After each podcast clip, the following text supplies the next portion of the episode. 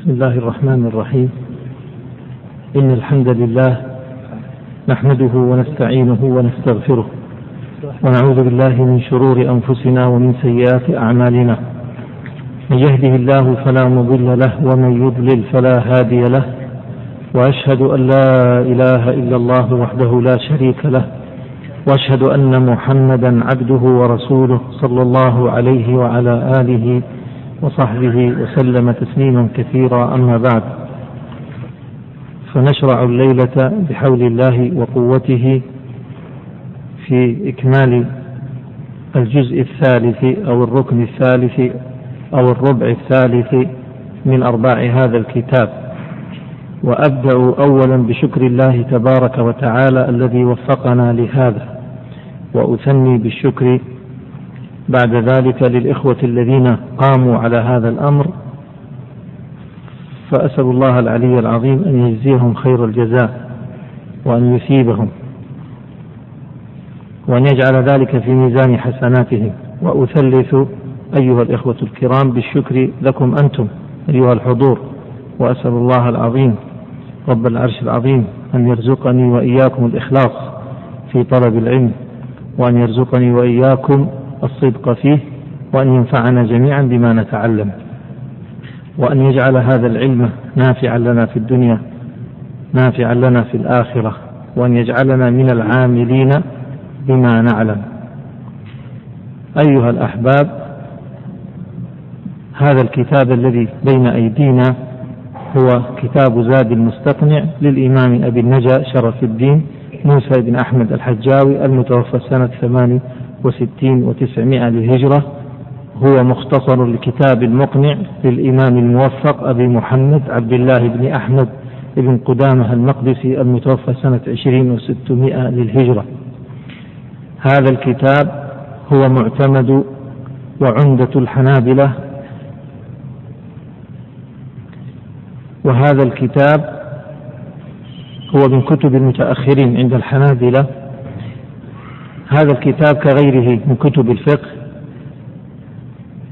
يمكن تقسيمه كما قلنا سابقا والكلام هذا يعتبر فيه شيء من التكرار. قلنا إن الفقه ينقسم إلى أربعة أرباع. الربع الأول هو هو العبادات. هذا كلام نعيده لمن يحضر لأول مرة. فالربع الأول هو ربع العبادات. وربع العبادات يبدأ من الطهارة إلى الصلاة الجنائز الزكاة الصيام الحج الجهاد. الربع الثاني هو المعاملات المعاملات المالية البيوع وأحكام التعامل المالي البيع والإجارة والرهن والوكالة والشفعة إلى غير ذلك إلى الوصايا والوقف. نحن في الدورة الأولى انتهينا من العبادات بفضل الله تعالى وفي الدورة الثانية انتهينا من الربع الثاني وهو ربع المعاملات المالية. الربع الثالث هو الذي نشرع فيه اليوم وهو ربع النكاح والطلاق وتوابعها. توابع الطلاق يدخل فيه آه، اللعان والإيلاء والرضاع والنفقات كل ذلك يدخل فيه. فهذا هو الربع الثالث. الربع الرابع والأخير هو ربع الجنايات. فهذا الربع يشتمل على الجنايات والديات والحدود والأطعمة والأيمان والنذور ثم القضاء والشهادات. والإقرار هو آخر شيء. هذا هو الربع الرابع والأخير. طريقتنا في هذه الدورة كما يعني كما هو أو كما هي الطريقة التي ابتدأنا بها.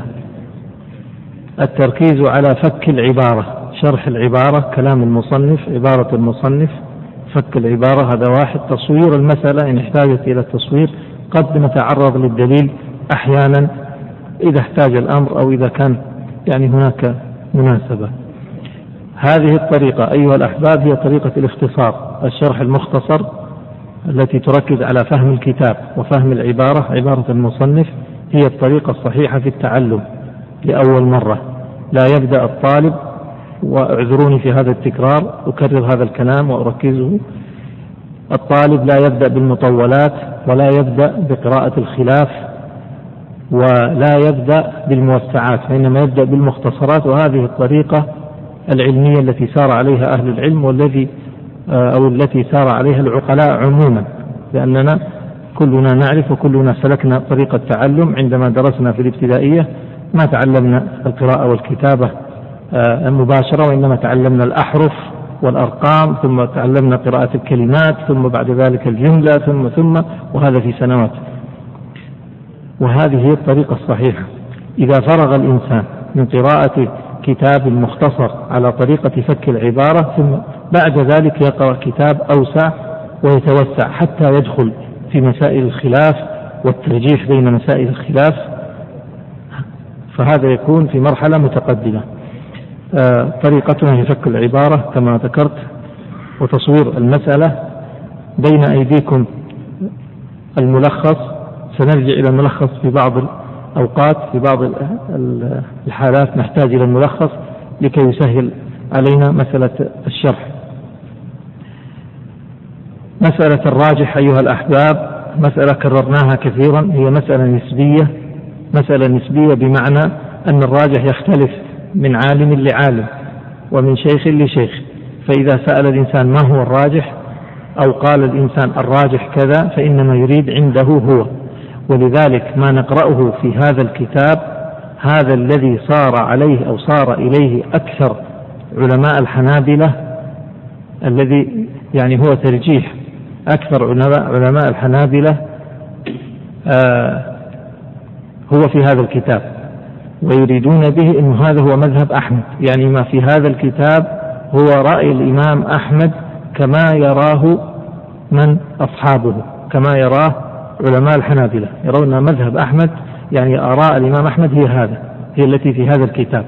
طبعا قطعا أن هناك مسائل ما قالها أحمد في هذا الكتاب. مسائل في هذا الكتاب ما قالها الإمام أحمد لكنها تنسب إليه يعني بناء على قواعده. بالنسبة لقواعد الإمام هذا هو رأيه. قد يوافقون في بعض المسائل قد يخالفون في بعض المسائل آه التدرج في طلب العلم هو هذا هو, هذه الطريقة الصحيحة نشرع بحول الله وقوته في الربع الثالث وهو كتاب النكاح. قال المصنف عليه رحمة الله كتاب النكاح. ما هو النكاح؟ النكاح في اللغة يطلق على الوطء ويطلق أيضا على العقد يطلق على العقد. فإذا قيل نكح فلان فلانة يعني عقد عليها. وأحيانا السياق يدل على أن الإنسان يريد بالنكاح بكلمة النكاح يريد الوطئ وليس العقد متى؟ بالقرينة. كما إذا قيل نكح الرجل زوجته. لا يتصور أنه نكح زوجته يعني عقد عليها لأنه عقد عليها من قبل وإنما المراد يصبح الوطن. ما هو النكاح في اصطلاح الشرع؟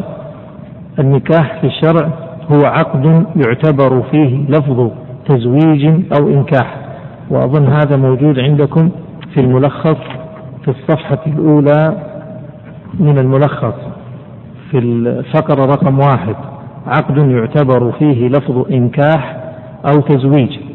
يعني شرط في العقد أن يعبر فيه بلفظ أنكحت أو لفظ النكاح أو لفظ التزويج زوجت أو أنكحت. يعتبر فيه لفظ إنكاح أو تزويج في الجملة والمعقود عليه منفعة الاستمتاع. إذا النكاح هو عقد يشترط فيه لفظ تزويج أو لفظ إنكاح في الجملة في الجملة يعني في الغالب. لكن هناك حالات ما نشترط هذا اللفظ متى إذا كان الإنسان لا يحسن العربية ليس عربيا فسيزوج ابنته مثلا بلفظ بلفظ إنكاح وتزويج بلغته هو فهي مشترطة في الجملة والمعقود عليه هذا العقد معقود على إيش؟ ينصب على إيش؟ ينصب على منفعة الاستمتاع أي استمتاع الرجل بالزوجة. قال المصنف: وهو سنة أي حكم الزواج أو حكم النكاح أنه سنة. ثم قال: وفعله مع الشهوة أي فعل النكاح مع الشهوة أفضل من نوافل العبادة. أفضل من نوافل العبادة من العبادة النافلة قال ويجب يعني النكاح على من خاف زنا بتركه ويجب النكاح على من خاف الزنا بترك النكاح إذا هذا حكم ثاني.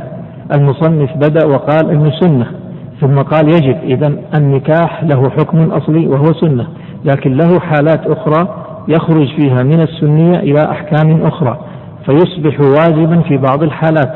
متى؟ قال المصنف على من يخاف زنا بتركه. يعني من كان من الناس من كان من الناس عرضة للزنا فيصبح النكاح في حقه سنة أو واجب. نقول واجب. قال قال المصنف ويسن نكاح واحدة دينة أجنبية ذكر ولود بلا أم. هذه صفات الزوجة التي يستحب زواجها أو الزواج بها. ما هي الصفات؟ رقموا هذه الصفات. قال يسن نكاح الصفة الأولى في الزوجة التي يستحب الصفات المستحبة في الزوجة يعني. ما هي الصفات المستحبة في الزوجة؟ واحد قال يسن نكاح واحدة. ما معنى واحدة؟ واحدة يعني عدم التعدد أي أن المصنف المصنف يريد أن التعدد يقول ليس هو الأفضل بل التعدد ها؟ خلاف الأفضل الأفضل من التعدد ما هو؟ أن يتزوج واحد عدم التعدد. طبعا هذا الكلام يغضب الرجال ويفرح النساء. خلاف بين أهل العلم. هل التعدد هو الأفضل أو عدم التعدد الأفضل؟ المصنف سار إلى أي الأقوال؟ إلى القول بعدم التعدد هو الأفضل. طيب لماذا؟ لأي شيء؟ لماذا تقول عدم التعدد هو الأفضل؟ واحد أفضل يقول هذا أقرب للعدل لأنه إذا عدد عرض نفسه للوقوع في الظلم قد يظلم قد لا يعدل فيقع في الإثم. يعني كأن الإنسان إذا تزوج واحدة كان هذا أحوط له. على هذا صار المصنف. بعض أهل العلم يرى العكس أن التعدد هو الأفضل. والكلام الآن في قضية التعدد الأفضل أو عدم أو عدم الأفضل يعني من حيث الأصل من حيث الأصل. مثل ما نقول النكاح سنة لكن في حالات يصبح النكاح إيش؟ واجب. وفي بعض الحالات يمكن أن نقول النكاح حرام. إذا كان لا يحتاج النكاح وزواجه بالمرأة يفضي إلى الإضرار بها مثلا أو الإضرار بنفسه وهو في غنى عنه يصبح محرما وقد يكون مكروه. إذا الأحكام الطارئة غير الحكم الأصلي. فنقول الحكم الأصلي أن التعدد ليس هو الأولى عدم التعدد أولى كما ذهب إليه المصنف يقول هذا أقرب للعدل. لكن لا يمنع أن يكون في بعض الحالات أو في بعض الأحوال أن يكون الإنسان آه، يكون التعدد في حق الإنسان أفضل. وقد يكون واجب في بعض الحالات. يعني لو أن الإنسان عنده زوجة واحدة ولا تكفيه وإذا لم يتزوج الثانية فهو عرضة للوقوع في الحرام فيصبح التعدد في حقه واجب. إذا الأول قال نكاح واحدة. الصفة الثانية قال دينة اثنين فاظفر بذات الدين تربت يداك ثلاثة قال أجنبية. ويقصد بأجنبية يعني ليست قريبة ليست من ذوات الأقارب. ويستدلون بهذا بأحاديث. طبعا بعضها لا يثبت أنه هذا يقولون أكثر أو أنجب للولد يرون أنه أنجب للولد. أنجب للولد يعني من حيث الطب. لكن هل الطب يدفع هذا ولا يدعم هذا؟ ها؟ آه الله أعلم. عموما يرون أن هذا من حيث الطب ومن حيث المصلحة الصحية والبدنية للطفل أن الأجنبية أفضل فيكون الولد أنجب.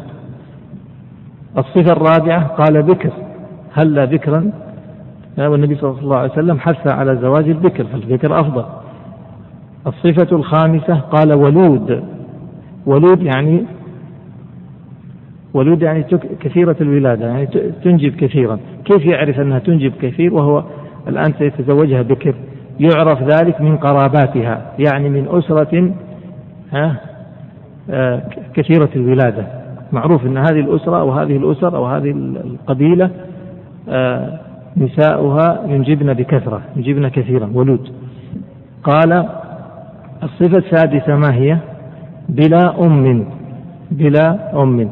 هذه الصفة يعني آه، طبعا منتقدة. نحن قلنا إنه ما في الكتاب ما في هذا الكتاب هو إيش؟ هو مذهب أحمد. هو مذهب أحمد. أكثره مذهب أحمد صحيح ما عندنا إشكال. أو كثير منه كلام الإمام أحمد قاله أخذوه من مسائل الإمام أحمد. لكن بعضه قاسوه على كلام أحمد وبعضه خرجوه على قواعد الإمام أحمد وبعضه فهموه من كلام الإمام أحمد. الشاهد أن هذه المسألة الظاهر عدم صحتها كونها بلا أم يقول بلا أم من يزوج واحدة بلا أم أفضل. لماذا؟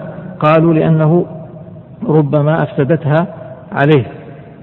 وقد يقال بالعكس قد وجود الأم ربما أصلحتها. فإذا اختيار هذا القول يعني فيه نظر هذا القول فيه نظر. قال بلا أم يعني لا يكون لها أم حتى لا تفسدها عليه. قال إذا انتهينا من صفات الزوجة.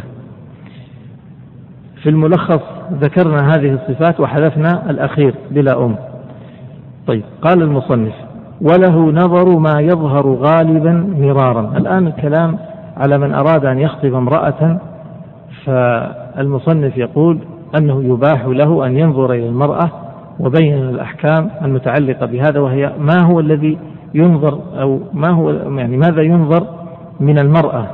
ينظر إلى أي شيء من المرأة بالنسبة لمرأة الزواج. قال وله أي للزوج نظر ما يظهر غالبا مرارا. إذا ينظر إلى المرأة التي يريد أن يتزوجها قبل الزواج بها حتى يقرر يأخذها ولا لا هل هي مناسبة له أو لا من حيث الخلقة. فينظر إلى إيش؟ إلى وجهها فقط لا إلى ما يظهر منها غالبا مثل الوجه ومثل اليد والقدم والرقبة كل هذا مما يظهر غالبا. هل له أن يكرر النظر إليها؟ قال المصنف مرارا يعني له أن يكرر النظر إليها لهذا الغرض ليس لغرض آخر.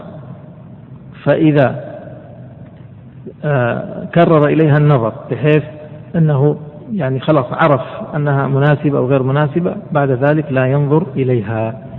قال المصنف بلا خلوة. إذا ينظر إليها لكن لا يختلي بها. ثم انتقل المصنف إلى مسألة التصريح بالخطبة أو التعريض بالخطبة. أحكام التصريح والتعريض بالخطبة. قال ويحرم التصريح بخطبة المعتدة من وفاة والمبانة دون التعريض. ما معنى؟ الآن عندنا المرأة غير المزوجة. المرأة المتزوجة ما ما يجوز أن تخطب أصلا. التي تخطب هي غير ذات الزوج. طيب غير ذات الزوج قد تكون في عدة. وقد تكون في غير عدة. إذا كانت غير معتدة يجوز أن تخطب. طيب هل يمكن أن نصرح لها بالخطبة أو نعرض لها بالخطبة؟ هذه المسألة. طيب وإن كانت في العدة هل يجوز أن نعرض لها بالخطبة؟ وهل يجوز أن نصرح لها بالخطبة؟ هذه الأحكام التي يناقشها المصنف. هنا حتى تتضح المسألة ونختصر المسألة نرجع إلى الملخص. إلى الفقرة الثالثة. انظروا إلى الفقرة الثالثة. عندنا في السطر الأول المعتدة الرجعية. هذه واحد هذه حالة. هذه الحالة الأولى أن تكون معتدة رجعية. إيش يعني معتدة رجعية؟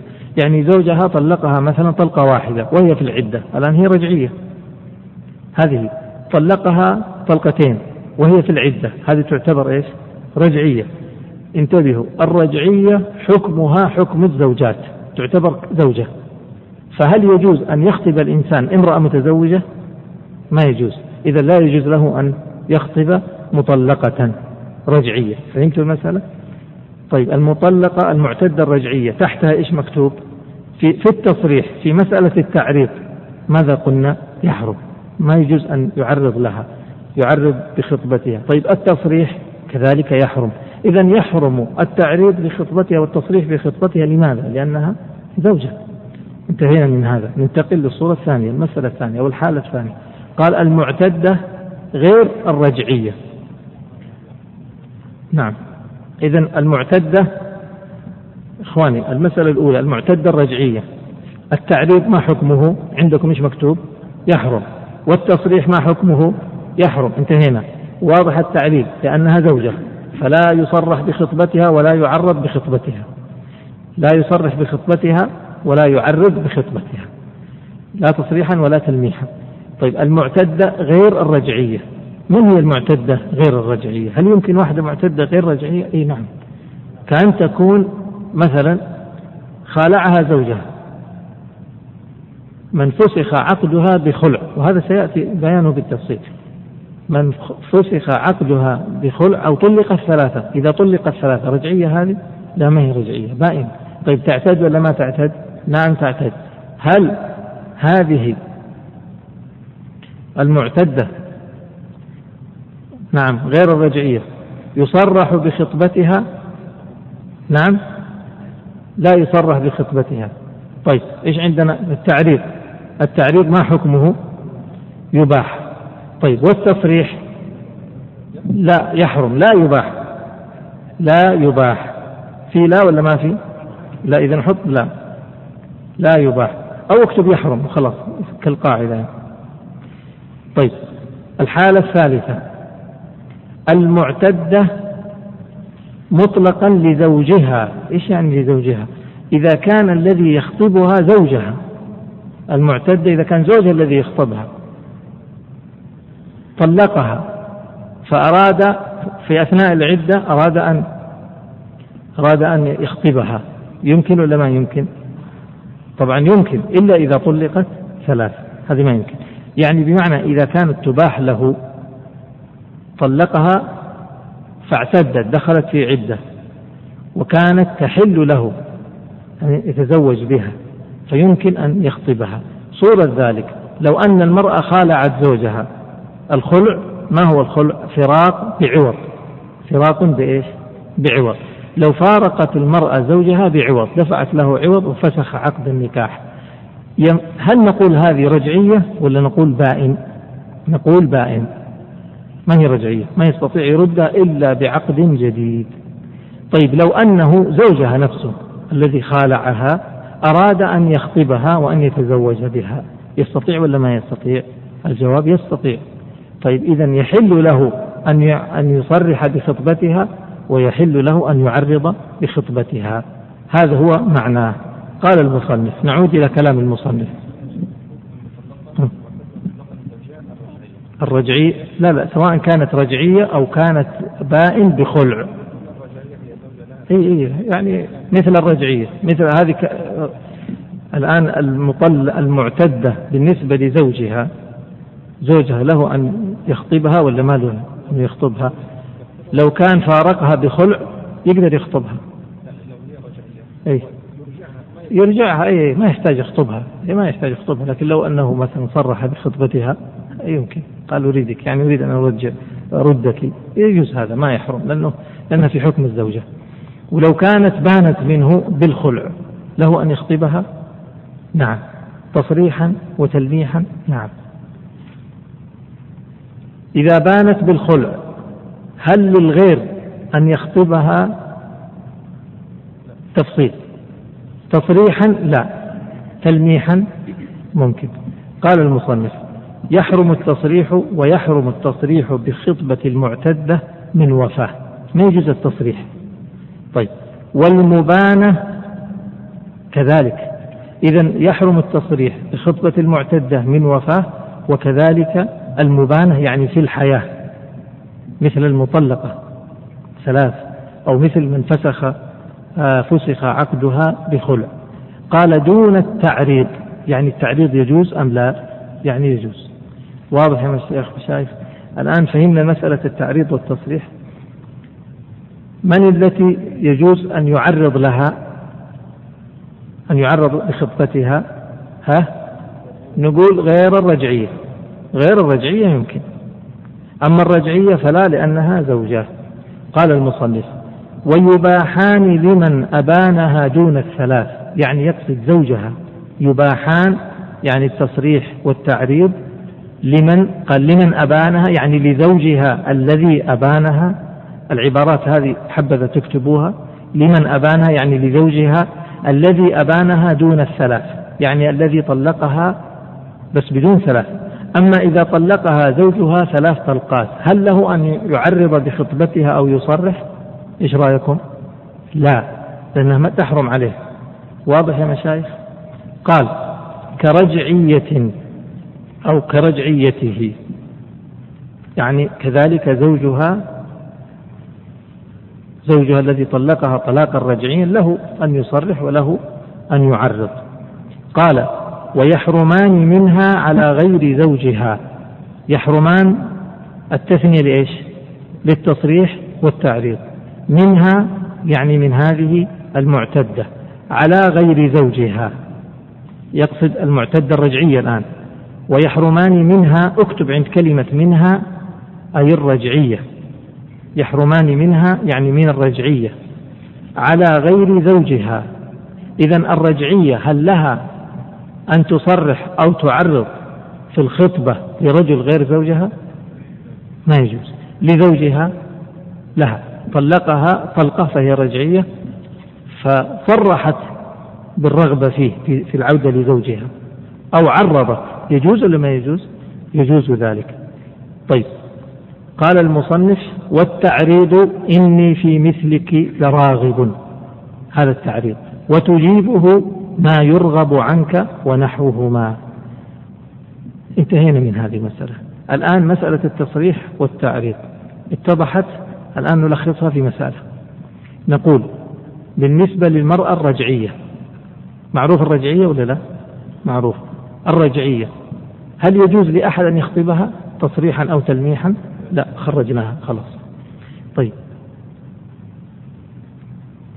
هل يجوز بالنسبة للرجعية هل يجوز لزوجها أن يخطبها تصريحا وتلميحا؟ نعم. واضح؟ انتهينا من الرجعية. نذهب إلى غير الرجعية. مثل من طلق الثلاث أو أو بانت بخلع. هذه المطلقة ثلاث أو التي بانت لخلع بخلع.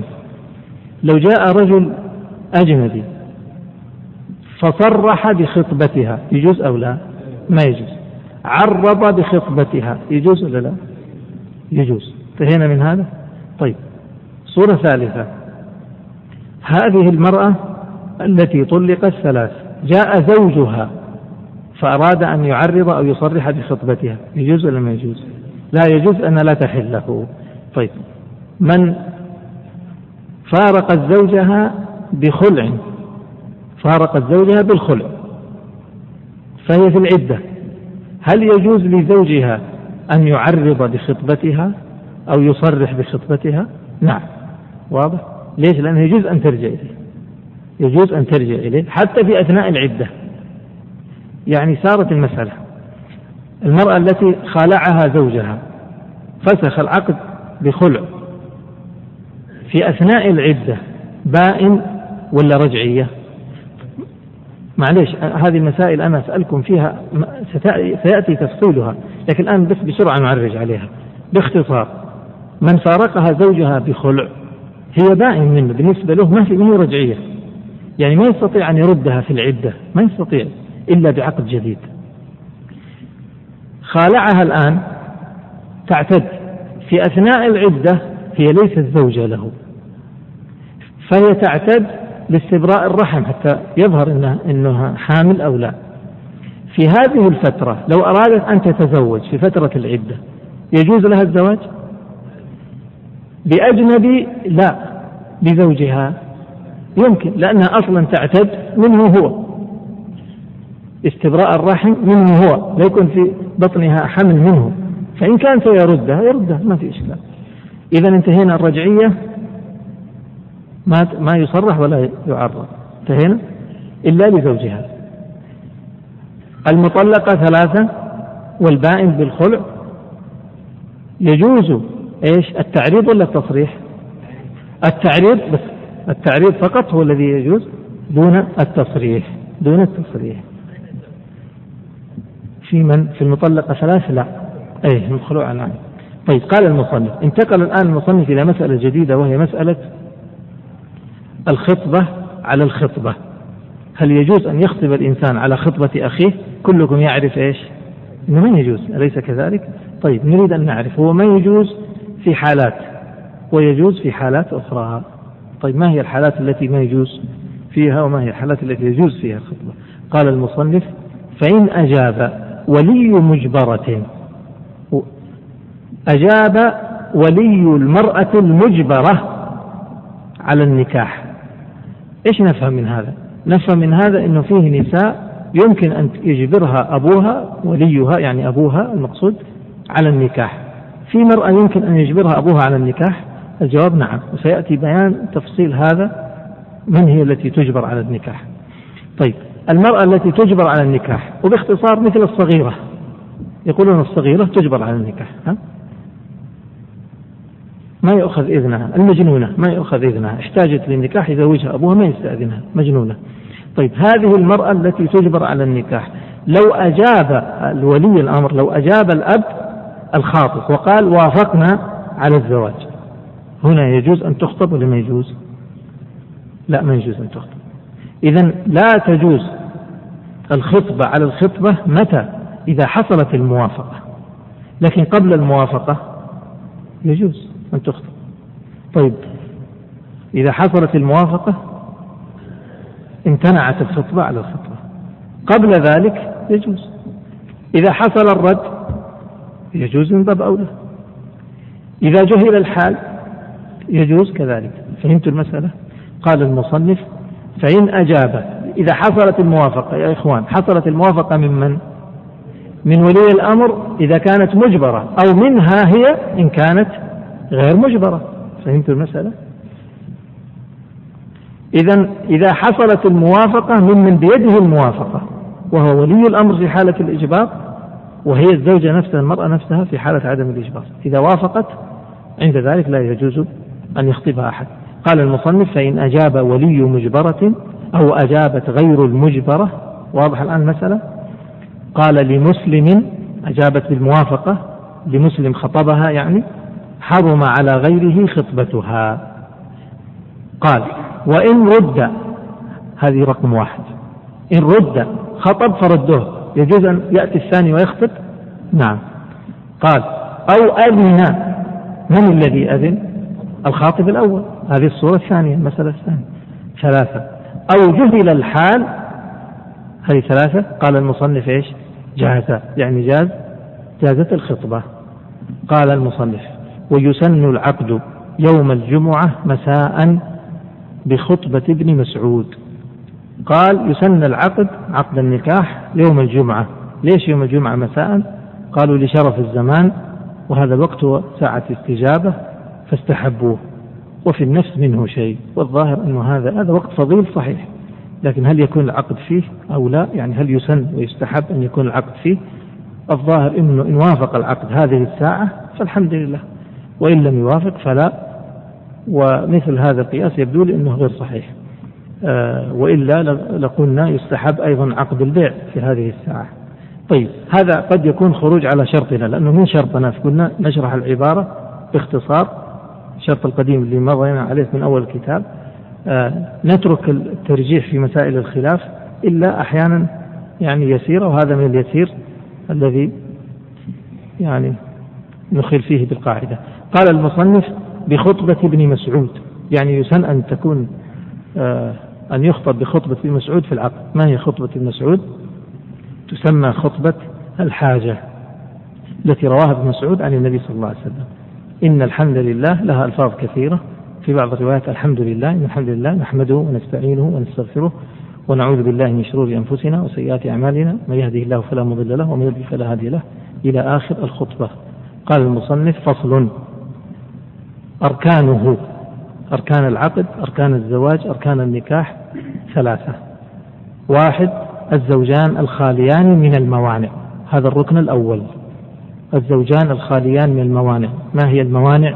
اللي يمكن أن آه، يعني تلتحق بالزوج أو بالزوجة؟ مثل العدة. المرأة التي في العدة. هذه فيها مانع. ها؟ الرجل المتزوج بأربعة من النساء. هل يستطيع أن يعقد خامسة؟ لو جاء يريد أن يعقد عقد الآن على الخامسة نقول هذا الزوج خالي من الموانع ولا فيه مانع؟ فيه مانع. قال الزوجان الخاليان من الموانع هذا الركن الأول. الركن الثاني الإيجاب. الركن الثالث القبول. قال والإيجاب والقبول. الإيجاب زوجتك أنكحتك. القبول قبلت. أو تزوجت قال المصنف ولا يصح يعني الإيجاب والقبول ممن يحسن العربية بغير لفظ زوجت أو أنكحت وقبلت هذا النكاح وتزوجتها وتزوجت أو قبلت إذا ما معنى هذا؟ يقول لا يصح الإيجاب والقبول ممن يحسن العربية إلا بلفظ الإنكاح ولفظ الزواج. لابد أن يكون بهذا اللفظ. يعني لفظ الإنكاح وما تصرف منه ولفظ التزويج وما تصرف منه. هذا إذا كان يحسن العربية. إذا كان ما يحسن العربية. قال ومن جهلهما لم يلزمه تعلمهما وكفاه معناهما الخاص بكل لسان. إذا كان ما يحسن العربية فيمكن أن يأتي باللفظ الذي يدل على التزويج وعلى القبول بلغته هو. قال المصنف فإن تقدم القبول لم يصح.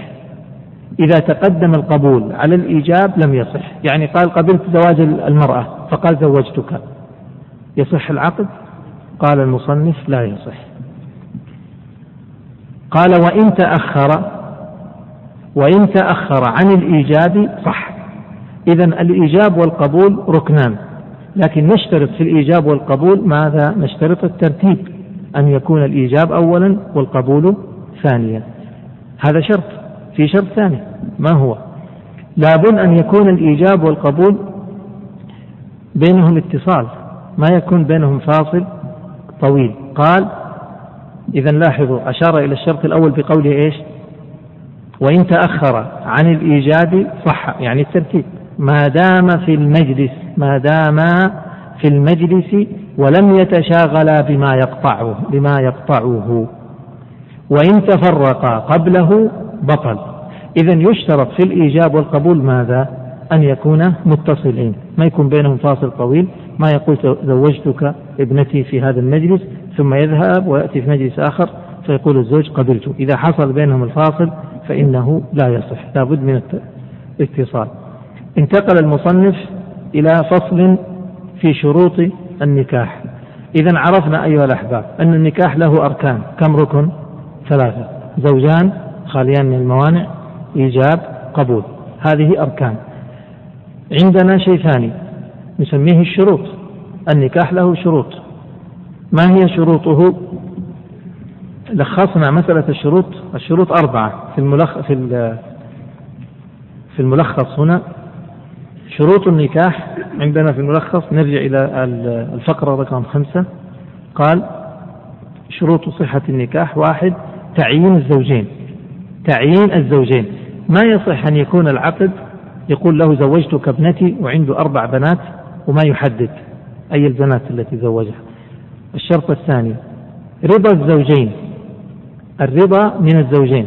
إلا من يجبر يعني إلا من يجوز إجبارها. وقلنا سنذكر من هي التي تجبر. لابد من الرضا. فإن كانت المرأة ممن يجبر ما اشترطنا رضاها. وإن كان لا يجوز إجبارها اشترطنا رضاها. وكذلك الزوج. الشرط الثالث. الولي. والولي له شروط. لابد أن يكون مكلف. ولي المرأة اللي يزوجها مكلف يعني بالغ عاقل. ذكر حر رشيد في العقد لابد أن يكون متفق اتفاق الدين بين المرأة وبين وليها كلاهما مسلم عدل. الشرط الرابع الشهادة والشهادة لها شروط. مذكور عند كتبنا الشروط وهي العدد لابد من اثنين. ما يكفي أن يشهد شاهد واحد. لابد أن يكون الشهود عدول. لابد أن يكونوا ذكور مكلفين سميعين يعني يسمعان. ما يكونوا فيهم صمم. ناطقين يتكلمان ما يكون فيهم بكم. طيب. الأخير قال شروط لزوم النكاح الكفاءة. هذه الكفاءة بقي هي الأخير شرط. شرط لإيش؟ شرط لصحة النكاح؟ لا ليست شرط لصحة النكاح. وإنما هي شرط لماذا؟ شرط للزوم النكاح. ما معنى شرط لزوم النكاح؟ يعني العقد يصح. لكن يجوز لمن لم يرضى من الأولياء أن يفسخ إذا لم تكن هناك كفاءة. يجوز للمرأة أن تفسخ النكاح إذا لم يكن هناك كفاءة. سيأتي تفصيل هذا بتوسع لكن الآن بإجمال. طيب انتقل لرقم ستة الإجبار في النكاح. هذه المسألة مهمة. أريدكم أن تفهموها تماما. الإجبار في النكاح. أولا من هو الذي يحق له أن يجبر؟ من هو؟ ليس كل ولي. انتبهوا ليس كل ولي. وإنما هو الأب ووصيه في النكاح فقط. الأب أبو المرأة له أن يجبرها في حالات طبعا مش في كل حال. الأب هو الذي يجبر هذا واحد. طيب مين يمكن أن يجبر غير الأب؟ انتبهوا الآن عندنا شروط في المجبر وعندنا شروط في من؟ في المجبر. لازم من اجتماع الاثنين. فأولا في المجبر لابد أن يكون أبا هذا واحد أو وصيه في النكاح. إيش يعني وصيه في النكاح؟ يعني الأب لما أدركته الوفاة أوصى وقال أوصيت إلى فلان أن يزوج بناتي. أصبح هذا وصي في إيش؟ في النكاح. طيب أوصى. مثال آخر أن الأب لما أدركته الوفاة أوصى فقال أوصيت إلى فلان أن آه، يقسم تركتي. هل له أن يزوج البنات هذا؟ لا ما أوصى إليه بذلك. فإذا وصيه في النكاح الوصي في النكاح يقوم مقام الأب هذا معناه. طيب هب أن الأب لما مات ما أوصى لأحد. من يصبح الولي ولي المرأة بعد الأب؟ ها؟ لا مو الحاكم. بعد الأب نروح للجد. فنذهب للجد. هل للجد أن يجبر؟ الجواب لا. فهمت المسألة؟ هذا معنى الأب أو وصيه في النكاح. أفرض ما في جد. انتقلنا من أقرب قريب لهذه المرأة وجدنا أخوها. أخوها وليها. هل له أن يجبر؟ لا ما يجبر. طيب إذا كان ما يجبر إذا كيف يزوجها؟ يزوجها برضاها. فهمتم؟ لابد من أخذ إذنها. إذا إذا كان إذا كان الولي أبا أو وصي في النكاح وصي الأب في النكاح وكانت الزوجة ممن يجبر ممن يجوز إجبارها حصل الإجبار. يمكن يحصل إجبار أريد أن نفهم الإجبار. إذا أول شيء في المجبر من هو؟ الأب أو وصيه في النكاح. طيب سننتقل للمجبر. من هو الذي يجبر على النكاح؟ إيش عندكم في الكتاب؟ في الملخص. قال الذي يجبر الزوج. من يجبر من الأزواج؟ غير المكلف اللي هو الصغير الطفل الصغير اللي هو دون البلوغ. المجنون يمكن إجباره العبد الصغير. لو كان السيد عنده عبد صغير وعنده عبد بالغ عنده عبدين عبد بالغ وعبد دون البلوغ. السيد يستطيع أن يجبر البالغ؟ ما يستطيع وإنما يستطيع أن يجبر الصغير.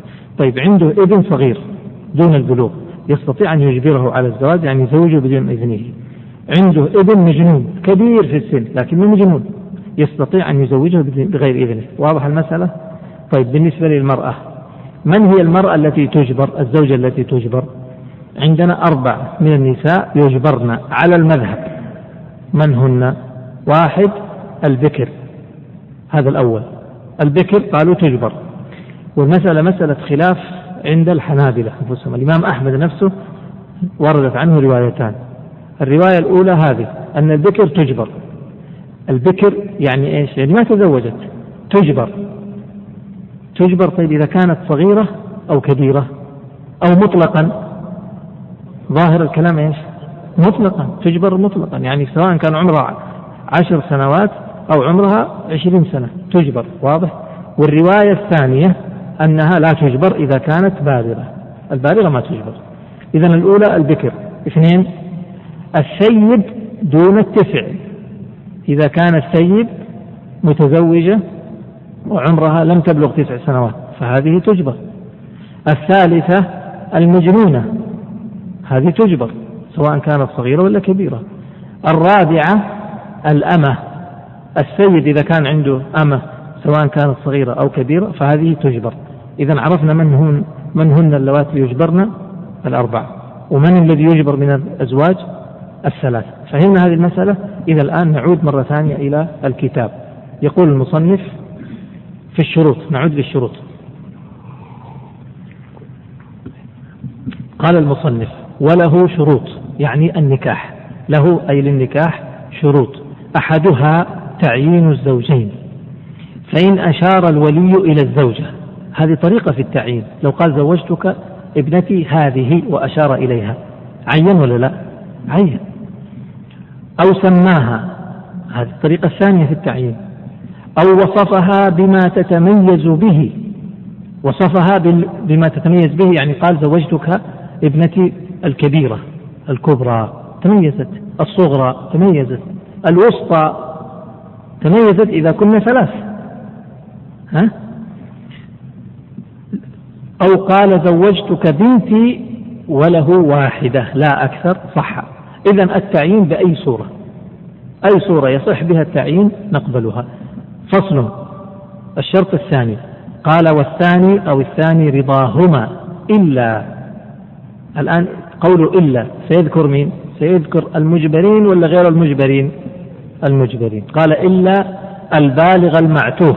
هذا واحد. البالغ المعتوه يعني المجنون. والمجنونة. هذه رقم اثنان. والصغير ثلاثة.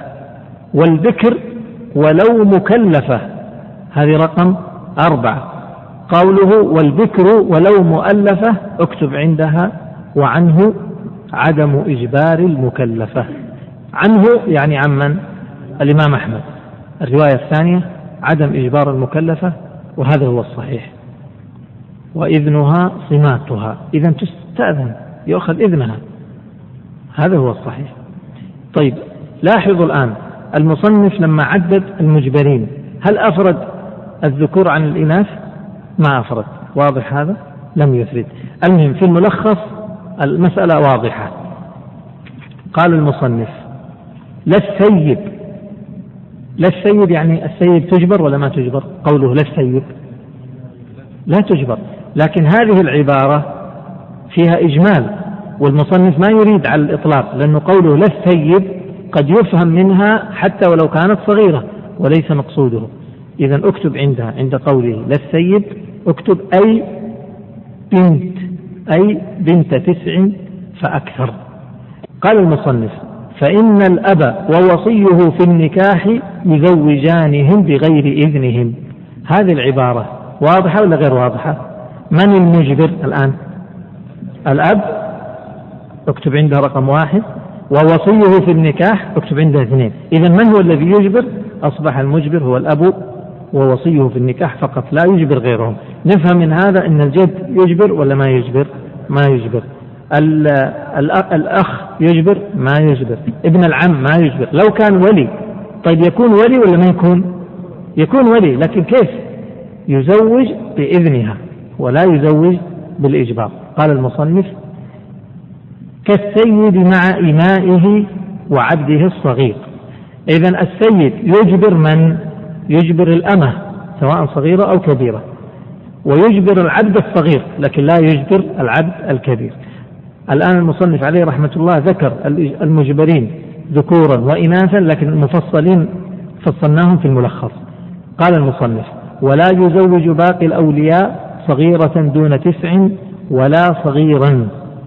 ولا ك... نعم. يقول ولا يزوج باقي الأولياء. من باقي الأولياء؟ يعني غير مين؟ غير الأب وغير وصيه في النكاح. صغيرة دون تسع ولا صغيرا. ولا كبيرة عاقلة ولا بنت تسع إلا بإذنهما. انتبهوا. المصنف عدد كم الآن؟ قال لا يزوج باقي الأولياء كم وحدة؟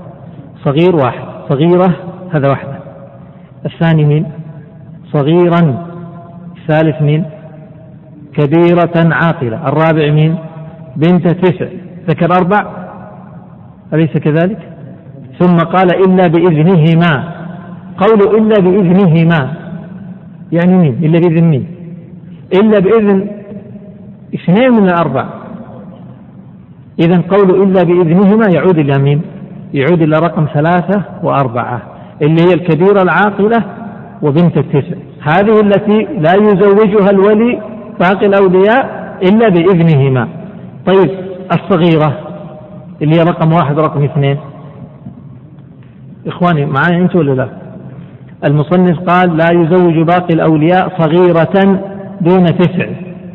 إيش نفهم من هذا؟ إنه ما يقدر يزوجها. نفهم إنه ما يستطيع يزوجها مطلقا ولا ما يستطيع يزوجها إلا بإذنها؟ مطلقا. مطلقا. يعني لا يستطيع تزويجها مطلقا. فهمتوا الكلام؟ الصغيرة دون التسع. لو كانت صغيرة دون تسع ما يقدر يزوجها. بإذنها ما يزوجها. بغير إذنها ما يزوجها. إذا من اللي يزوجها؟ ما يزوجها إلا أبوها. فهمتوا المسألة؟ ليش طيب؟ لأنها صغيرة ما تعرف مصلحتها يستأذن مين؟ يستأذن طفلة عمرها سبع سنوات ما يصح فهمت؟ طيب هو وليها نعم وليها لكنه شفقته عليها ليست كاملة ما ليس هو مثل الأب الأب الذي شفقته على البنت كاملة فيمكن أن يزوجها بدون إذنها إذا كانت صغيرة المهم كلام المصنف قوله إلا بإذنهما نفهم هذا أنه يعود إلى إيش إلى رقم ثلاثة ورقم أربعة. فإذا الصغيرة لا يزوجها وليها غير الأب أبدا. قال ولا صغيرا الصغير في السن الطفل. هل يستطيع أن يزوجه غير أبوه؟ أو وصيه في النكاح ما يزوجه. بإذنه لو أذن يزوج؟ لا يزوج. قال ولا كبيرة عاقلة يعني إلا بإذنها. هنا أكتب إلا بإذنها. ولا بنت تسع أكتب إلا بإذنها. قال المصنف وهو يعني الإذن سمات الذكر ونطق السيد. نطق السيد يعني أن تقول السيد تنطق بالموافقة. صمات الذكر يعني يكفي أن تسكت. طيب لو نطقت الذكر وقالت موافقة هذا من باب أولى. إذا أقل درجة في القبول في, في الإذن من من الذكر أن تسكت. وأعلى درجة أن تنطق. وبالنسبة للسيد أقل درجة أن تنطق ولا نرضى بسكوتها. قال المصنف الثالث الولي الشرط الثالث الولي وشروطه التكليف واحد. إيش يعني التكليف؟ مشايخ إيش يعني مكلف؟ بالغ عاقل خلاص. حيث جانا مكلف فالمراد به البالغ العاقل. قال والذكورية هذا الثاني. والحرية هذا الثالث.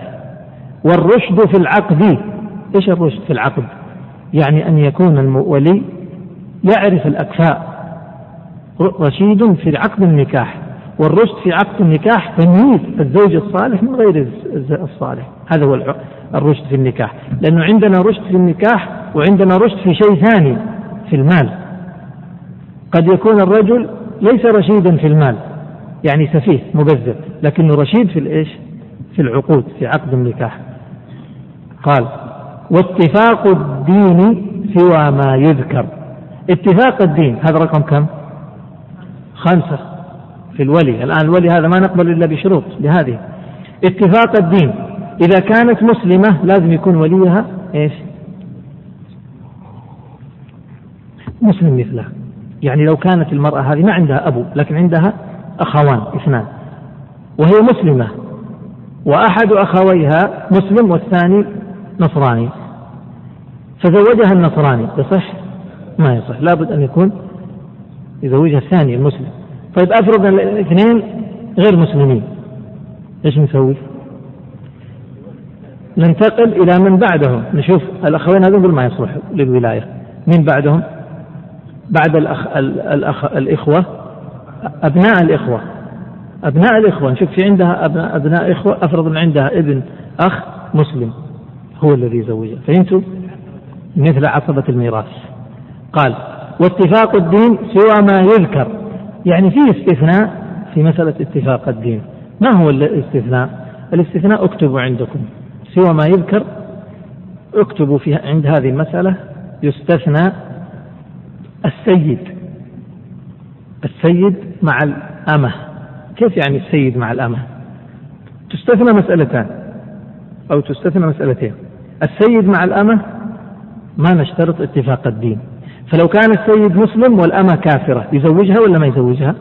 هو وليها. طيب الدين مختلف يصح مستثنى فهمتم؟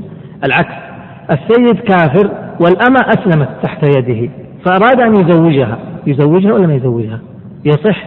هذه من المستثناة. قلنا نستثني الآن في مسألة اتفاق الدين صورتين الصورة الأولى السيد مع الأمة والصورة الثانية السلطان. السلطان الحاكم فالسلطان المسلم يزوج الرعية أفرض أنه في في رعيته مثلا هذا السلطان يحكم بلد فيها مسلمين وغير مسلمين يزوجهم ولا ما يزوجهم؟ هذه معناه يزوجهم إذا قوله سوى ما يذكر ما هو الذي يستثنى؟ ما هو الذي ما يذكر الآن ويستثنى هنا؟ مسألتين ما هي؟ السيد مع الأمة يزوجها مع اختلاف الدين والسلطان مع الرعية يزوجهم مع اختلاف الدين. قال الشرط السادس والعدالة. رقمت يا مشايخ؟ والعدالة رقم كم؟ ستة. قال والعدالة. فلا تزوج امرأة فلا تزوج امرأة نفسها ولا غيرها. ما تزوج المرأة نفسها ولا يتزوج غيرها. ليش؟ يعني ما تكون ولي. لماذا تعرفون؟ لأننا نشترط الذكورية في الولي. قال الآن سيذكر المصنف ترتيب الأولياء. ترتيب الأولياء. يا ليت كان أحد يقرأ؟ الشيخ محمد ليش ما تقرأ جنبه قال ويقدم أبو المرأة في نكاحها. الآن سنرقم ترتيب الأولياء بالترتيب. ما هو ترتيبهم؟ قال ويقدم تقرأ؟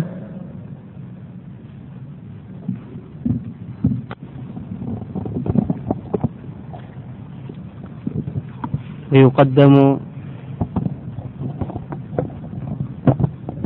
ويقدم ما في صوت. طيب. ويقدم أبو المرأة.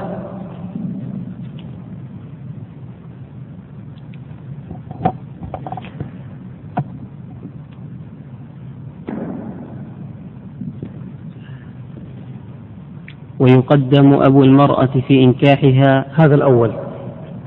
ثم وصيه فيه يعني في النكاح. فيه أي في النكاح. يخرج وصي الأب في المال. ما ما يزوج. نعم.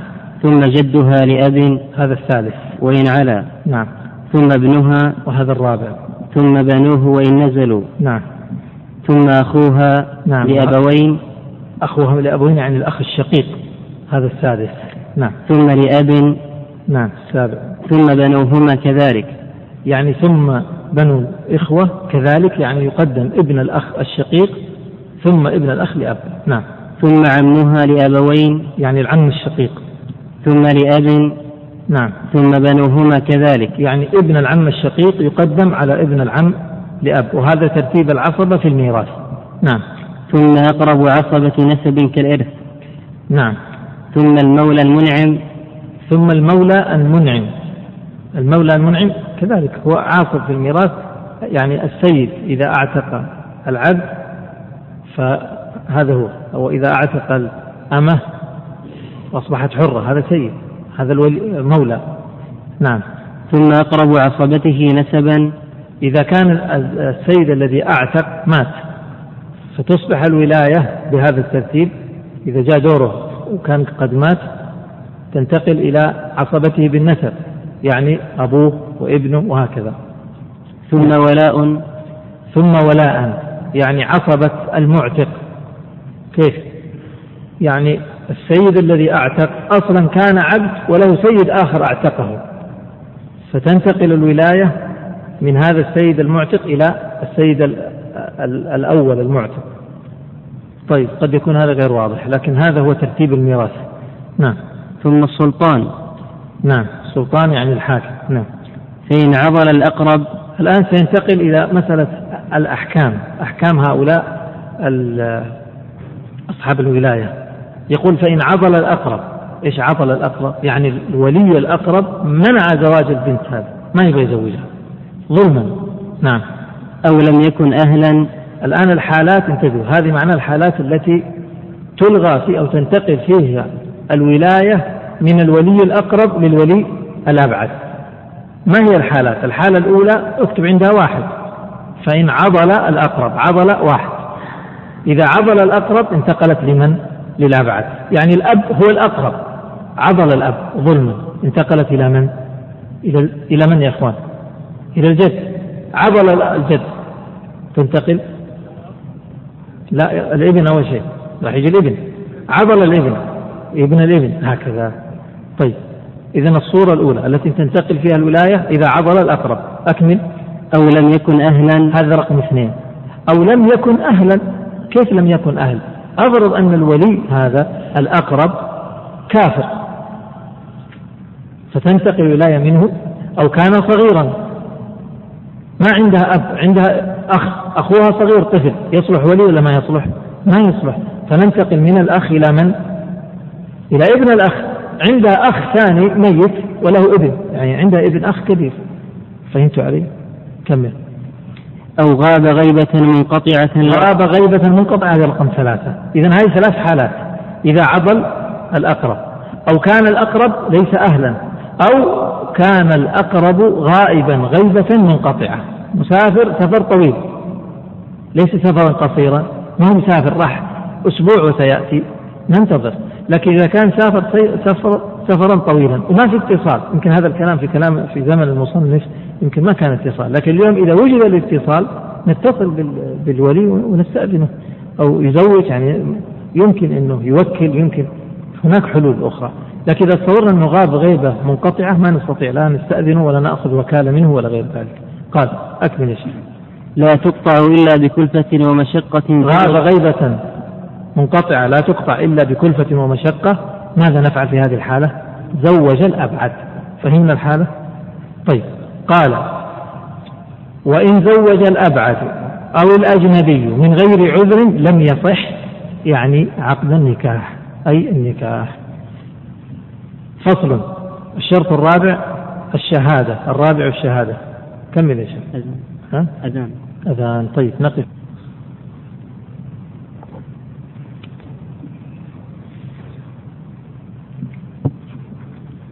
نعم. ذكرنا في مسألة الأولياء. نعود مرة أخرى. ذكر المصنف في مسألة ترتيب الأولياء. قال يقدم أبو المرأة في نكاحها ثم وصيه فيه يعني في النكاح ثم جدها لأب وإن علا. أنا تجاوزت هذه الكلمة والأخ ذكر.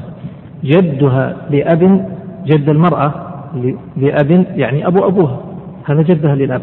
وإن علا يعني أبو الأب هذا جدها لأب وإن على إيش يصير؟ أبو أبو الأب. طيب وإن على أكثر إيش يصير؟ أب أب, أب الأب. أبو أبو أبو الأب وهكذا. يعني وإن ارتفع بمحض الذكور. طبعا هذه يأتي بيانها في باب الفرائض لكن نحن ما قرأنا كتاب الفرائض وأرجعناه إلى آه، دورة خاصة. أسأل الله أن يسهل إتمامها إن شاء الله. إذا جدها لأب وإن على يعني بمحض الذكور. الأب الأمد هذا مو جد الأب. طيب أبو الأب هذا الجد لأب. أبوه جد لأب. أبوه وهكذا إذا ارتفع بمحض الذكور. قال ثم ابنها ثم بنوه وإن نزلوا. إيش إن نزلوا؟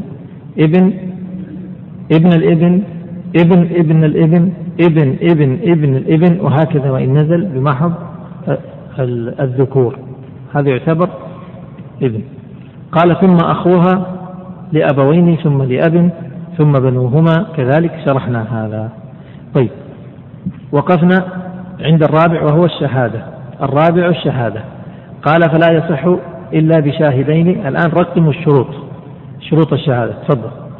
إلا بشاهدين هذا واحد هذا رقم واحد. فين ال ال الواحد هذا؟ العدد يعني. قول شاهدين يعني اثنين. لابد من اثنين شاهد واحد ما يكفي. نعم. عدلين هذا الثاني. ذكرين هذا الثالث. مكلفين نعم. الرابع. سميعين ناطقين. نعم.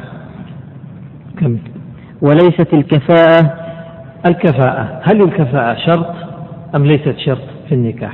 خلاف بين أهل العلم. من أهل العلم من يقول الكفاءة انتهينا الآن من الشروط. الشرط الرابع انتهينا منه. خلاص شروط النكاح هذه الأربعة.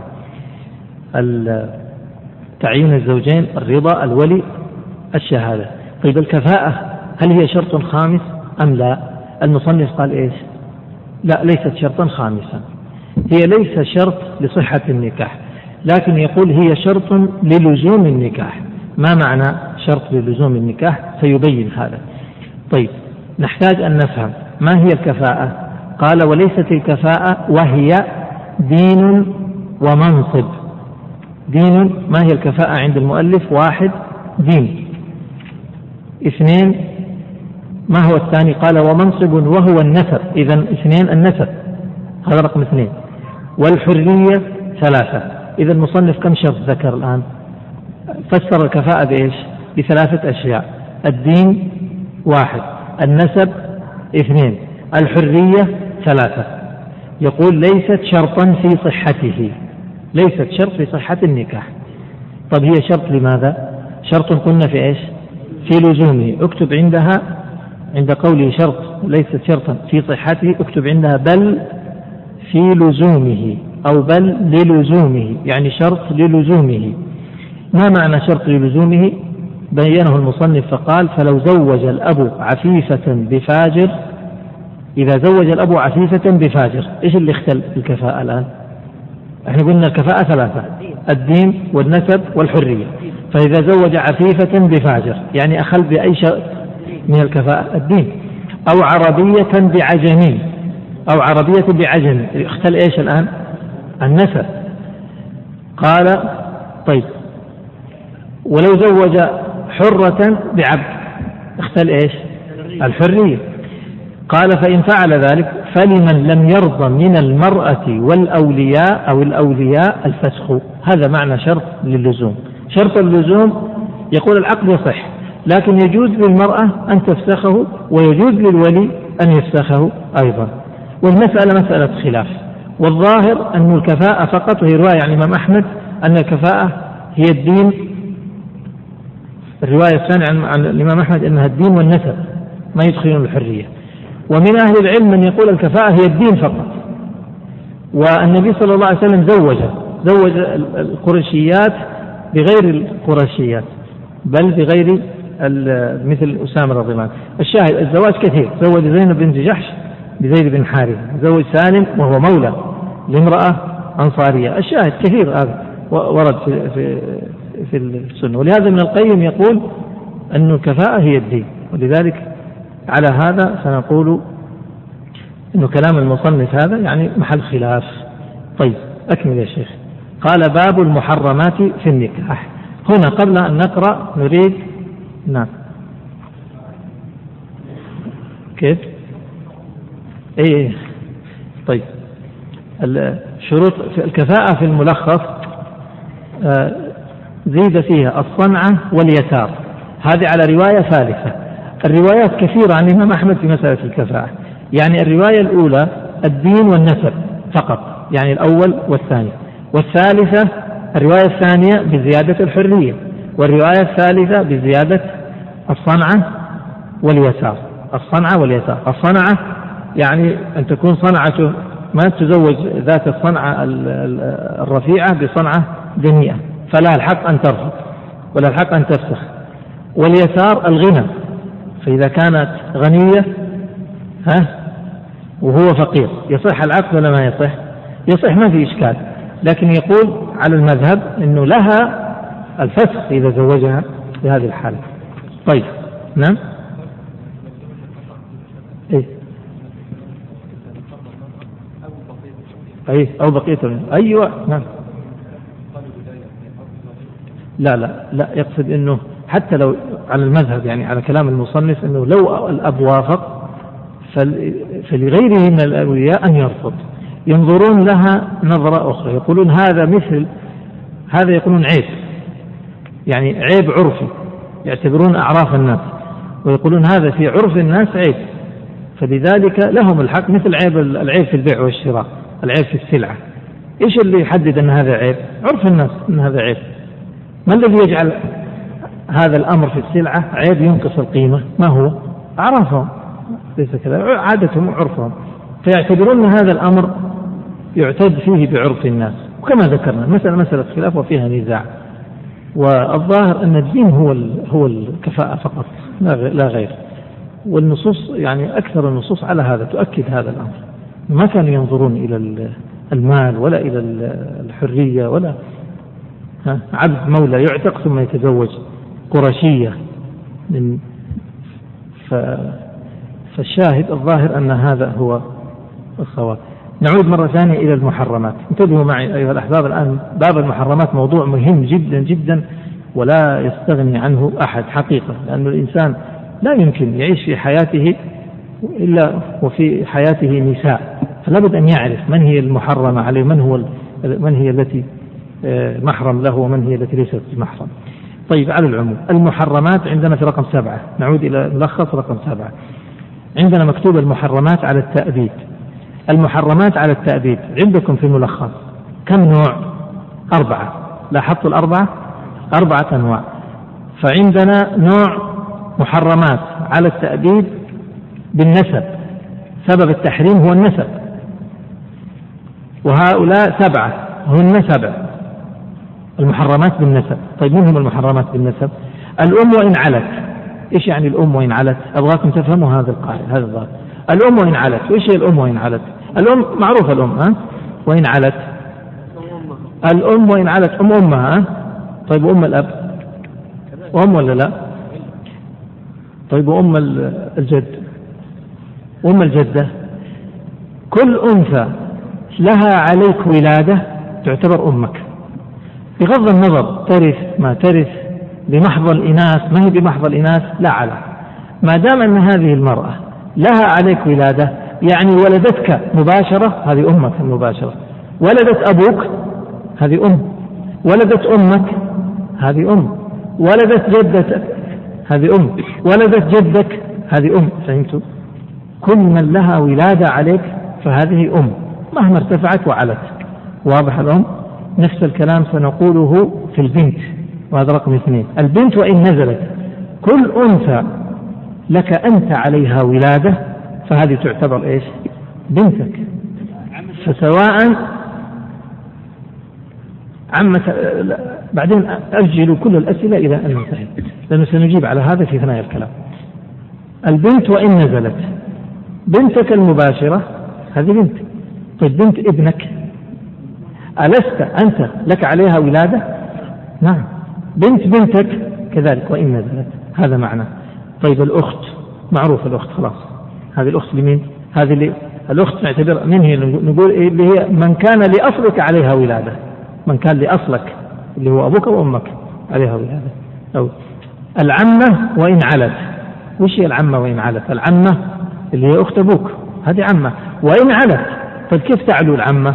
قد لا تكون عمتك أنت قد تكون عمة أبيك نعتبرها عمة. عمة أمك نعتبرها عمة. وهكذا عمة جدك تعتبرها عمة.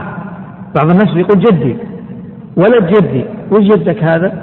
يقول هذا عم أبويا. عم أبوك عمك. إلا أنه ليس عم مباشر عم بعيد. فهمت علي؟ لا تقول جدي هذا عمك وليس جدك. لأنه هو ما ليس له ولادة عليك. فهمت علي؟ قال طيب العمة والخالة كذلك. الخالة أخت الأم. وكذلك قد تكون الخالة بعيدة مثل خالة الأب خالة. خالة الأم خالة. وهكذا. خالة الجد خالة. خالة الجدة خالة. بنت الأخ من هي بنت الأخ؟ تشمل المفروض نضيف هنا اكتبوا عنده في ستة. بنت الأخ اللي بنت أخوك وإن نزلت يعني قد تكون بنت بنت أخيك مباشرة أو بنت ابن آه بنت بنت أخيك. وإن نزلت يعني طيب بنت الأخت كذلك. أختك بنتها. طيب بنت بنتها كذلك. يعني نضيف هنا نقول وإن نزلت. بنت الأخ وإن نزلت. وبنت الأخت وإن نزلت. واضح يا مشايخ؟ إذا المحرمات على التأبيد بالنسب. سبعة. من هن؟ الأم وإن علت البنت وإن نزلت. الأخت الأخت كم أخت عندنا؟ ثلاث. ثلاث. شقيقة أو أخت لأب أو أخت لأم. كلهم أخوات كلهن أخوات. محرمات. واضح هذا؟ نعم. ما لا لا أتكلم عن النسب النسب. النسب. إذا الأم ثم البنت. ثم الأخت ثم العمة ثم الخالة ثم بنت الأخ ثم بنت الأخت. هذا ترتيب القرآن. طيب عرفنا المحرمات يا مشايخ؟ حفظتوهم؟ هذا السؤال ترى سنسأله في آخر الدرس عندنا جوائز على إذا الأم الأصول ثم الفروع البنت ثم الأخت ثم العمة ثم الخالة ثم بنت الأخ ثم بنت الأخت. وفهمنا إيش يعني وإن علت فهمنا إيش يعني وإن نزلت. هذا الربع الأول القسم الأول أو النوع الأول وهن المحرمات بالنسب. المحرمات بالرضاع. هن أنفسهن بس بالرضاع. يعني بدل ما نقول الأم سنقول الأم بالرضاع. من هي الأم بالرضاع؟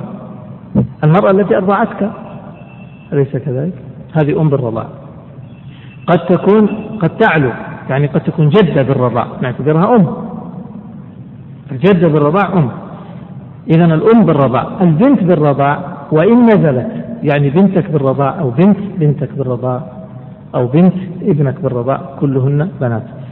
طيب الأخت بالرضاع من هي الأخت بالرضاع؟ الأخت بالرضاع إما أن تكون رضعت أنت من أمها فهي أختك بالرضاع أو هي رضعت من أمك فهي أخت لك بالرضاع. بعدين العمة بالرضاع من هي العمة بالرضاع؟ اللي رضعت مع أبوك أو يعني مع أبيك أو رضع أبوك من أمها. الخالة بالرضاع كذلك. رضعت مع أمك أو أمك رضعت من أمها.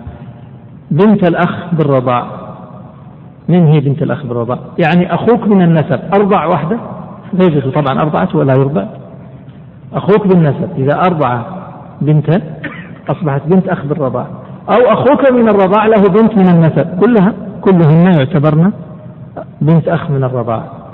بنت الأخت من الرضاع. مثل إيش؟ أختك من النسب. إذا أرضعت بنت وش صارت البنت هذه؟ بنت أخت من الرضاع. أو أختك من الرضاع إذا أنجبت بنتا. كذا ولا لا؟ أو حتى إذا أرضعت بنت. واضح يا مشايخ؟ إذا الأم بالرضاع البنت بالرضاع الأخت بالرضاع العمة بالرضاع الخالة بالرضاع بنت الأخ بالرضاع وبنت الأخت بالرضاع. كم صار الآن العدد؟ كم العدد الآن؟ سبعة وقبل سبعة أصبح أربعة عشر. باقي أربعة لأن المحرمات 18 وإن نزلت أصل إذا قلنا كلمة بنت افهموها كذا إذا قلنا كلمة بنت تشمل مهما نزلت. طيب بالصهر. المحرمات بالصهر. زوجة الأب وإن علا ولو بالرضاع. زوجة الأب يعني أبوك إذا تزوج امرأة. هذه زوجة أب أليس كذلك؟ أبوك إذا تزوج امرأة هذه زوجة الأب. أصبحت محرمة عليك على التأبيد. طيب وإن علا؟ يعني كيف وإن علا؟ جدك تزوج جدك. جدك إذا تزوج امرأة هذه زوجة أب. طب هب أن أباك من الرضاع تزوج امرأة وش تصير؟ زوجة أب. واضح؟ إذا زوجة الأب وإن علا ولو بالرضاع. واضحة الكلمات هذه؟ قال زوجة الابن وإن نزل. إذا تزوج ابنك تزوج امرأة. إيش تصير هذه البنت المرأة هذه؟ زوجة ابن. ابن ابنك تزوج امرأة. أصبحت محرم أنها زوجة ابن. لو كان ابنك بالرضاع تزوج امرأة وش تصير هذه المرأة؟ زوجة ابن. واضح يا مشايخ؟ طيب. بنت الزوجة بنت الزوجة وإن نزلت. زوجتك؟ أم الزوجة. ها؟ أم الزوجة؟ أنا قلت بنت الزوجة؟ قلتها؟ وش قلت اي رقم رقم أربعة. طيب. أم الزوجة. زوجتك إذا تزوجت امرأة إذا تزوجت امرأة مجرد أن تعقد بامرأة فإن أمها تحرم. طيب إذا قلنا أمها تحرم طيب جدتها؟ كذلك تحرم. أم الزوجة يعني وإن علت. مثل إذا قلنا بنت الزوجة يعني وإن نزلت. والفرق بين أم الزوجة وبنت الزوجة أن أم الزوجة تحرم بمجرد العقد بالزوجة. وأما بنت الزوجة فإنها لا تحرم إلا إذا دخلت بالزوجة إلا بالدخول والدخول يعني بالوطأ. طيب الأخير اللعان. الرجل إذا لاعن من زوجته الملاعنة على الملاعن. إذا لاعن من زوجته وش يعني لاعن من زوجته؟ نسأل الله العافية. إذا أن الرجل إذا كان الرجل اتهم المرأة بالزنا عند القاضي فطلب منه البينة ما عنده بينة أقام القاضي بينهما شيء يسمى اللعان. وش هو اللعان؟ يحلف هو بالله أربع شهادات أنه صادق والخامس أنه لعنة الله عليه إن كان كاذب ثم هي تحلف آه، أربع شهادات أنه هو الكاذب والخامس أنه غضب الله عليها إن كان هو الصادق. ثم يفرق القاضي بينهم. إذا فرق القاضي بينهم هل يجوز أن ترجع إليه؟ لا يصير التحريم بينهم مؤبد. لكن هذه منه محرم. كله هذه يحرم الزواج بها لكن هل هن هل هي محرم؟ لا. لكن من سبق؟ يعني المحارم السبع اللواتي بالنسب. هذه ما يجوز الزواج بها. يعني المحرمات بالنسب السبع والمحرمات بالرضاع كم؟ سبع. والمحرمات بالمصاهرة كم؟ أربع أصبح المجموع كم؟ ثمانية عشر. ثمانية عشر. الثمانية عشر هؤلاء ها؟ هؤلاء الثمانية عشر محرمات لا يجوز الزواج بهن وهن في نفس الوقت محارم لك. محارم وش يعني محارم؟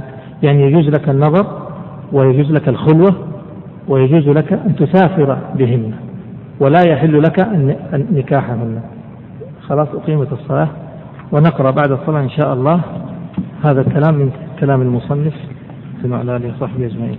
ما بعد. تفضل. باب باب المحرمات في النكاح.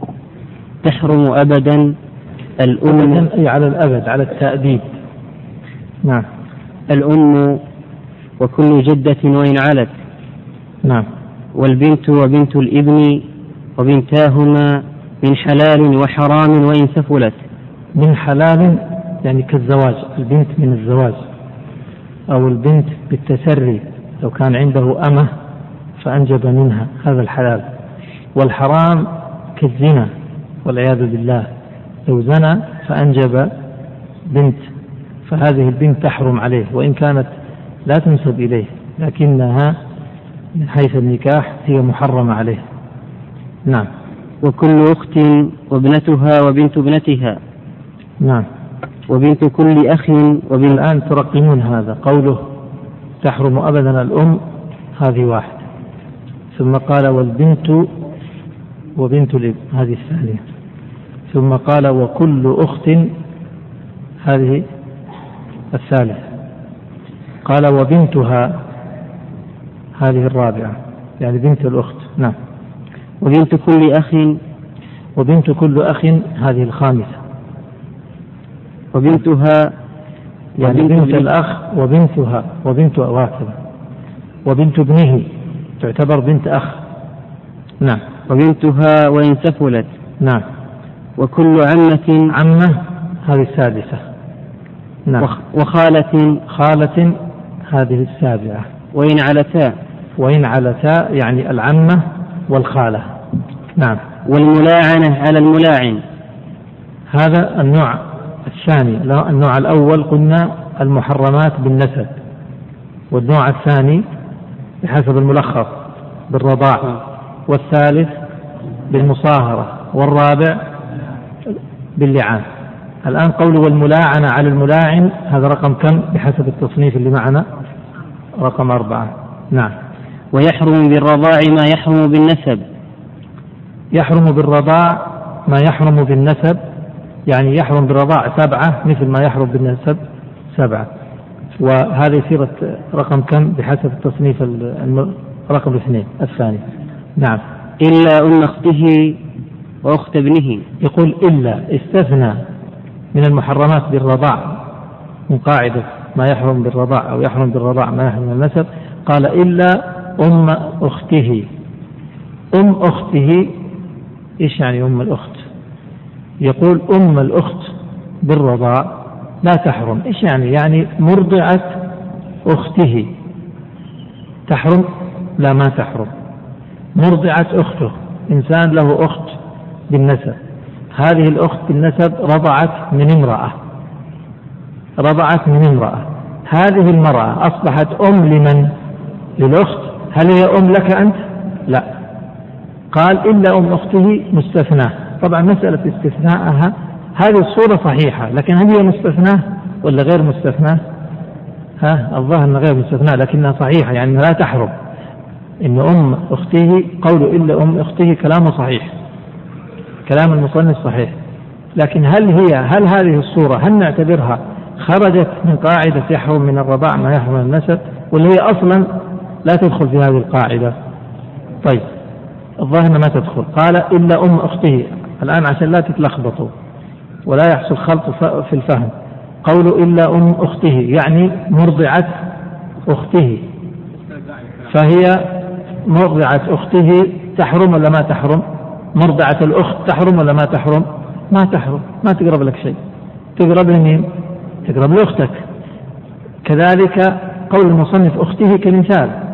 طب لو كانت مرضعة أخيه نفس الشيء. هي تحرم على أخيك لكن ما تحرم عليك أنت.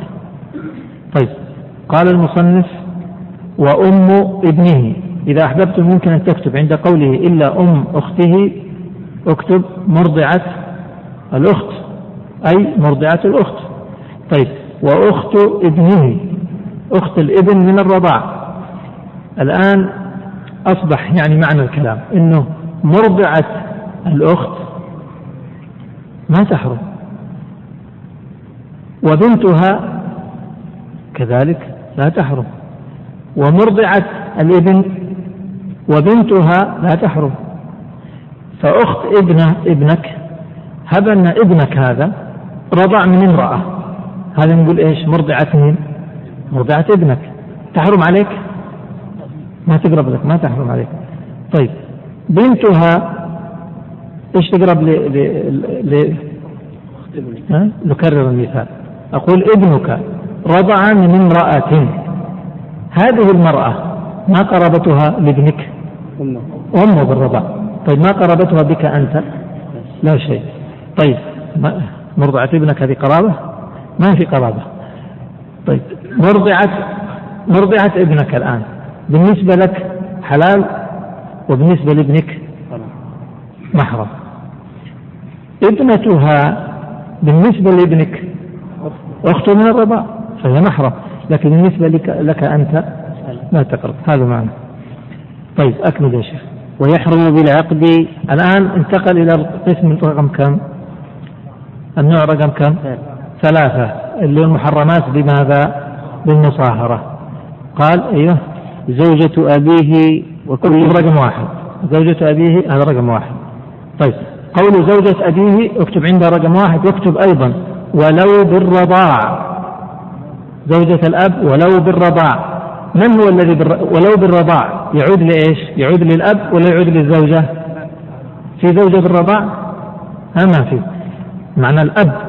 زوجة الأب سواء كان أب بالنسب ولا أب بالرضاع. فزوجته بالنسبة لك زوجة أب محرمة. فهمتم؟ واحد. طيب أكمل يا شيخ. وكل جد. قال وكل جد. والآن السؤال لكم. الجد إيش تعتبرونه؟ يدخل في الأب ولا ما يدخل؟ يدخل. طيب. أكمل. وزوجة ابنه رقم اثنين. وإن نزل. زوجة ابنه وإن نزل. واكتب عندها ولو بالرضاع. يعني مين اللي بالرضاع؟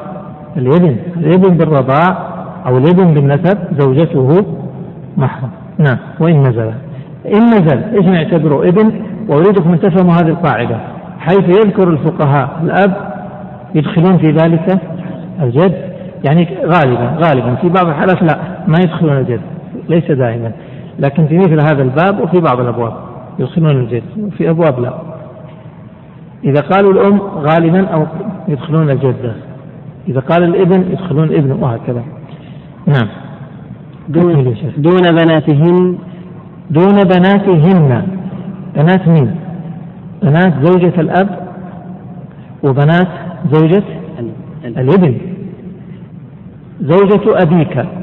بالنسبة لك محرم. طيب بنتها ها؟ حلال ليست محرم. هذا معنى. زوجة الابن محرم لكن ابنتها لا ليست محرمة. أكمل يا شيخ. وأمهاتهن قال أيضا ودون أمهاتهن. يعني زوجة الأب أمها حلال وزوجة الابن أمها حلال. أكمل.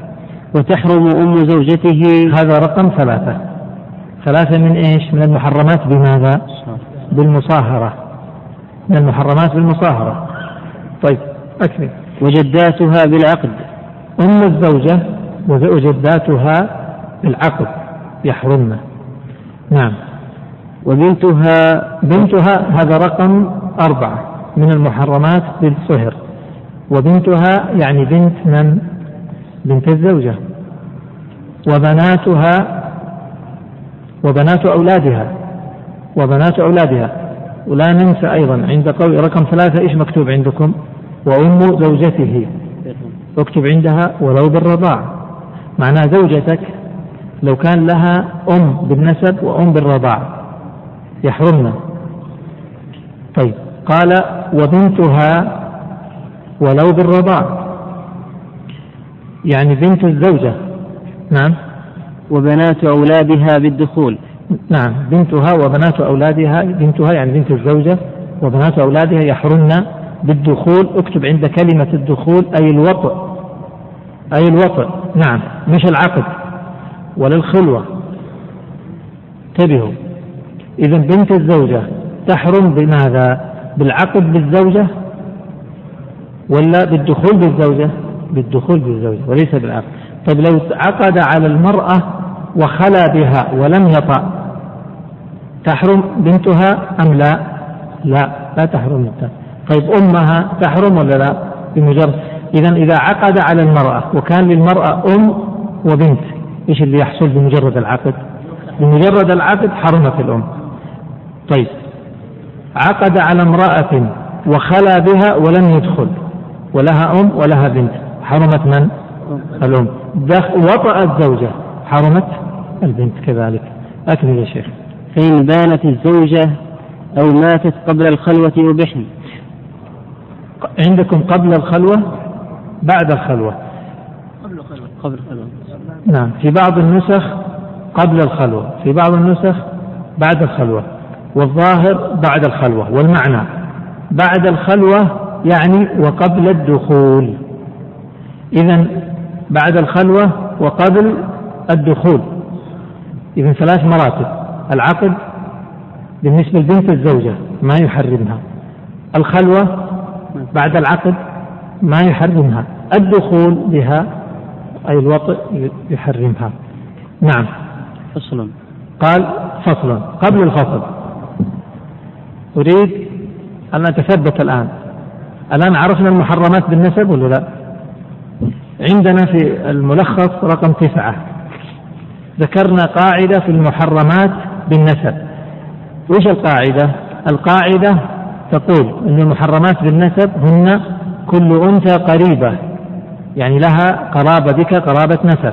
لا تدخل تحت ولد العمومة ولا ولد الخؤولة. يعني لا تعتبر بنت عم ولا تعتبر بنت خال. أي حرمة تقرب لك قريبة لك ما هي بنت عم؟ ولا بنت خال. هذه محرم. كيف يعني بنت عم؟ يعني لا هي بنت عمك عمك المباشر ولا عمك الأعلى.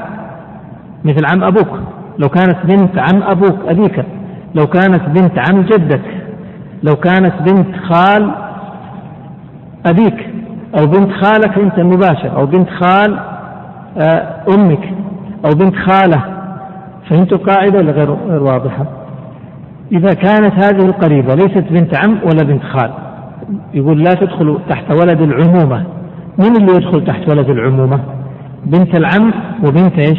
العمة. ومين يدخل تحت ولد الخؤولة؟ بنت الخال وبنت الخالة. سواء كانت العم سواء كانت العمة أو كان العم مباشر أو بعيد وسواء كانت الخالة أو الخال مباشر أو بعيد بنتهم بناتهم يحر لا يعني لا يحرمن وما سوى ذلك من القرابة؟ تحل. طيب وش اللي سوى ذلك من القرابة؟ إذا كانت القريبة هذه. الآن لو جبنا قلنا هذه قريبة لي لك وليست بنت لا تدخل في البنات العمومة. يعني ليست بنت عم ولا عمة ولا بنت خال ولا خالة. إيش تكون قرابتها؟ لا تخرج من السبعة. معنى إما أنها أم أو جدة؟ أو بنت أو بنتها أو أخت أو بنت أخت أو بنت أخ أو عمة أو خالة. فهمتوا المسألة؟ هذا معناه. واضح ولا غير واضح؟ إذا كان غير واضح سنأخذ قاعدة أخرى قد تكون هي الأوضح. ما هي القاعدة الثانية؟ القاعدة الثانية في المحرمات بالنسب أن المحرمات بالنسب أربع. الأول ماذا؟ كل أنثى من الأصول. طيب وش الأنثى من الأصول؟ الأم وش غيرها؟ الجدة ها؟ كل أنثى من الأصول أم وجدة كذا طيب الجد